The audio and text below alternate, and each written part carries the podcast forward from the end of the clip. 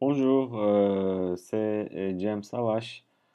Donc, ce semestre, on sera ensemble euh, pour le cours de l'histoire des relations internationales, c'est vraiment le nom, et le code c'est CIPRI 101.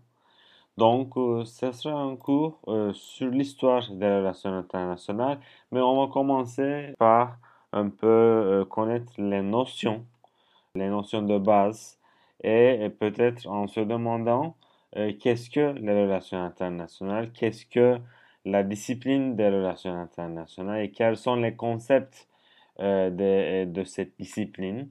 Et, après, on va passer à l'état de l'avant des relations internationales, donc en Chine ancien, en Inde ancien, ou bien dans l'Empire perse, ou bien en Afrique, c'était quoi l'état des relations internationales avant de euh, commencer à découvrir l'histoire européenne des relations internationales, le Moyen Âge, euh, après avoir vu la Grèce antique et l'Empire euh, romain.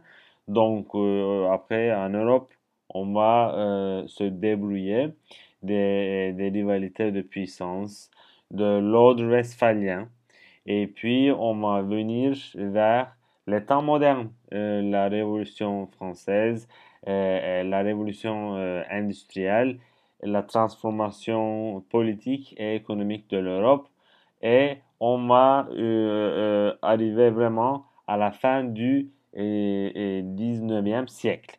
C'est vraiment le menu pour ce cours.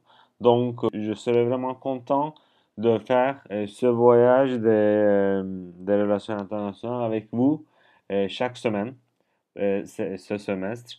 Donc, euh, n'hésitez pas à me communiquer par courriel et euh, je vais également partager les documents pour ce cours via Google Classroom.